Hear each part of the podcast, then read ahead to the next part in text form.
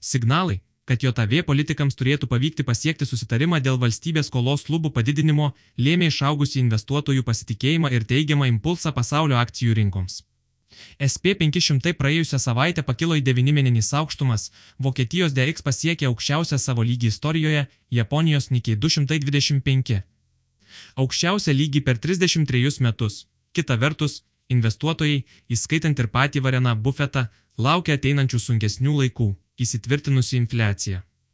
St. Louiso FED vadovas Jemesas Bullardas prognozavo, kad FED tikriausiai turės dar padidinti palūkanų normas, tačiau galutinai dėl to nuspręs įvertinęs duomenis. Agresyvi politika, kurios laikėmės per pastaruosius 15 mėnesių, sustabdė infliacijos augimą, tačiau nėra aišku, ar mes judame link 2 procentų tikslo, sakė jis. Remiantis New Yorko FED apklausa, JAV vartotojai tikisi, kad infliacijos lygis artimiausių metų kils kukliau. Vidutinis vienerių metų infliacijos lūkestis balandžio mėnesį siekė 4,4 procentus ir buvo 0,3 procentai punkto mažesnis nei kova.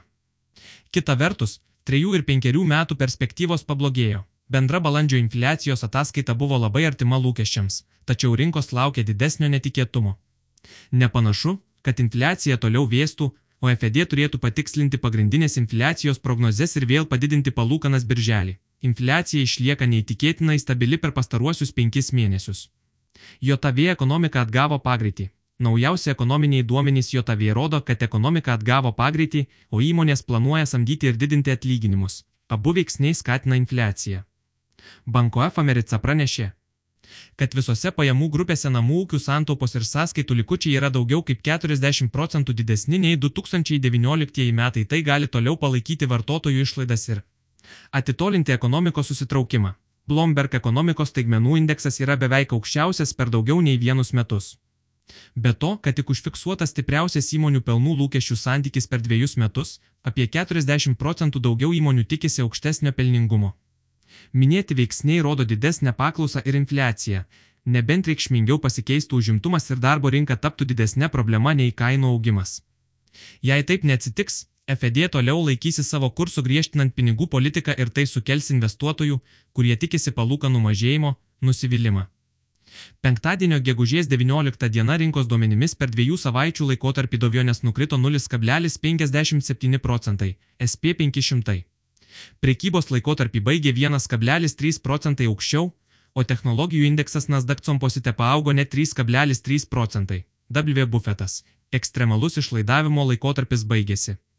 Nepaisant gero pirmo ketvirčiojo TAV įmonėms, prieš akiją laukia sunkesni laikai. Apie juos gegužės pradžioje vykusiame kasmečiame Berkshire Hathaway akcininkų susirinkime įspėjo legendinis amerikiečių investuotojas Varenas Buffetas. Pasak jo, ekstremalus vartotojų išlaidavimo laikotarpis baigėsi, o situacija rinkoje yra visiškai kitokia nei prieš šešimeninis, dėl to verslams reikės prie to prisitaikyti ir imtis atsargų išpardavimų. Ko neteko daryti pastaruosius keletą metų, jis prognozuoja, kad, nepaisant apie 13 procentų išaugusių Berkshire Hathaway pajamų per pirmą metų ketvirtį, toliau šįmet laukia pajamų mažėjimas. Kita vertus, kadangi jo valdomas konglomeratas yra sukaupęs apie 130 milijardų JOTVDOL rezervų, jis tikisi uždirbti iš investicijų JOTV išdo obligacijas. Vėl stiprėjantis JOTV doleris. Euro kursas per pastarąsią savaitės JOTV DOL. Atžvilgių nukrito 1,8 procentai ir nusistovėjo ties 1,08 JOTV DOL. Riba. Tuo metu svaro sterlingo kursas fiksavo beveik 1,4 procentai kritimą prieš JOTV DOL ir praėjusį penktadienį buvo prekiaujamas 1,24 JOTV DOL santykių. Japonijos jena silpnėjo toliau 2,1 procentas, jos kursas prekyboje siekė 137 jenas už dolerį. Svetbank valiutų strategijų vertinimu JVDOL. Kursą pakėlė Kinijos atsigavimo sulėtėjimas, augantis neužtikrintumas rinkoje ir galimo palūkanų mažinimo nukelimas. Manoma, kad JVDOL sustiprėjimas yra laikinas, tačiau neapibrieštumas išlieka didelis. Siekia sustiprinti Švedijos kroną. Po Švedijos centrinio banko susitikimo praėjusį mėnesį Švedijos krona euro atžvilgių sustiprėjo daugiau nei 1 procentas, nors ši valiuta dar turi nueiti ilgą kelią. O investuotojai vis dar susirūpinę dėl šio šalies nekilnojamo turto rinkos perspektyvų. Švedijos centrinio banko Riksbank vertinimu, toliau silpstanti krona neigiama veiktų infliacijos perspektyvą, todėl į tai turi būti atsižvelgiama vykdant pinigų politiką.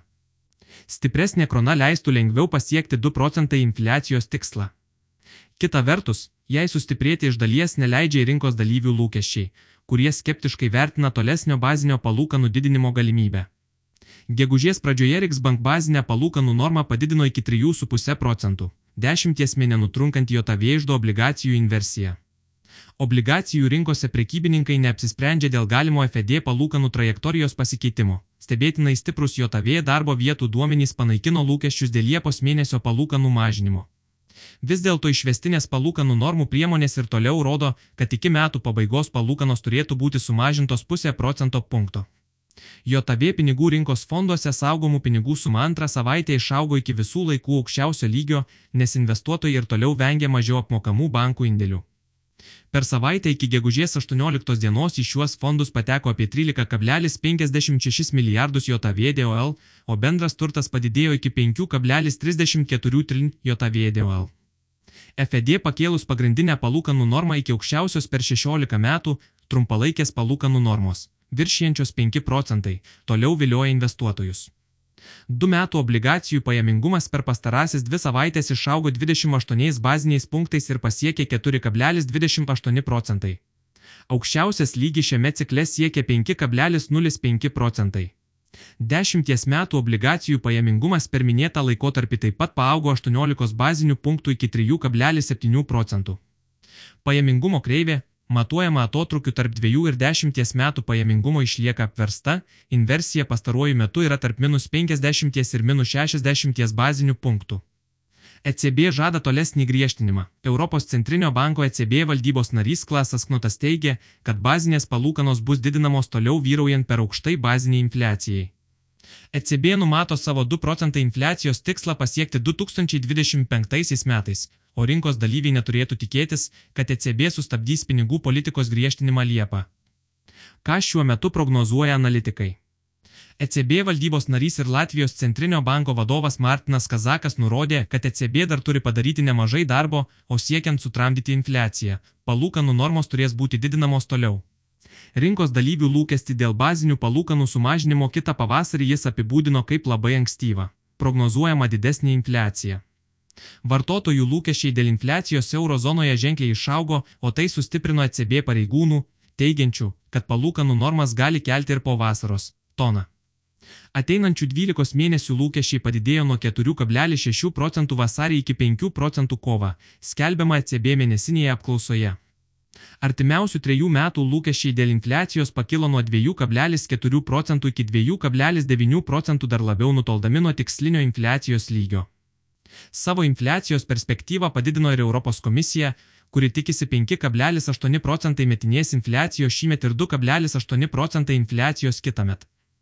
Ankstesnė prognozija siekia atitinkamai 5,6 procentai ir 2,5 procentų atitinkamai padidintos ir ekonomikos augimo prognozijas, kurios atspindi eurozonos regiono ekonominį atsparumą.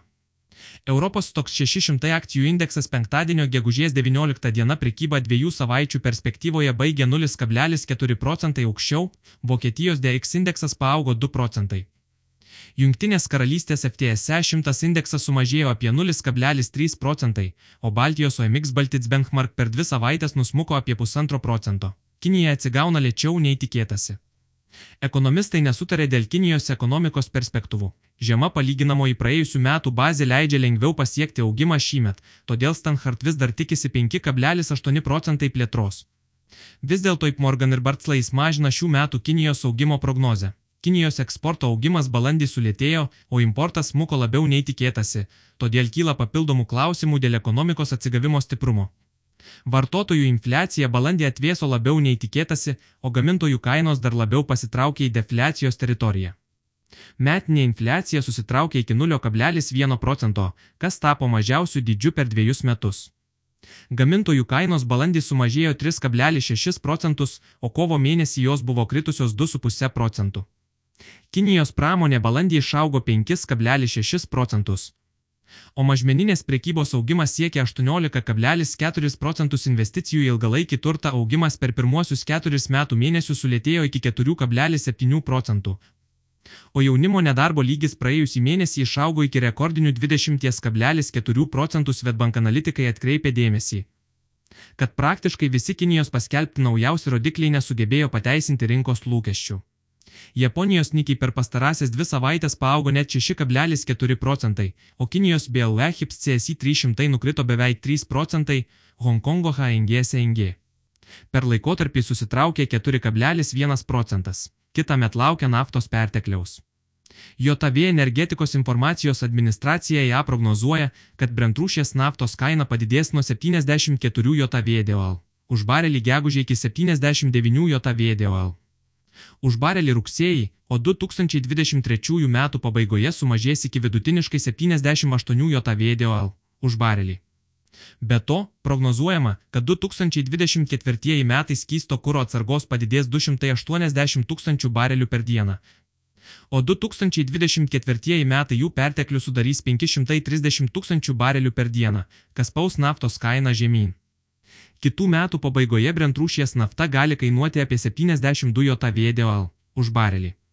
Brent naftos sandoriai dviejų savaičių perspektyvoje buvo prekiaujami 1,8 procentai žemiau ir siekė 75 JVDL už barelį.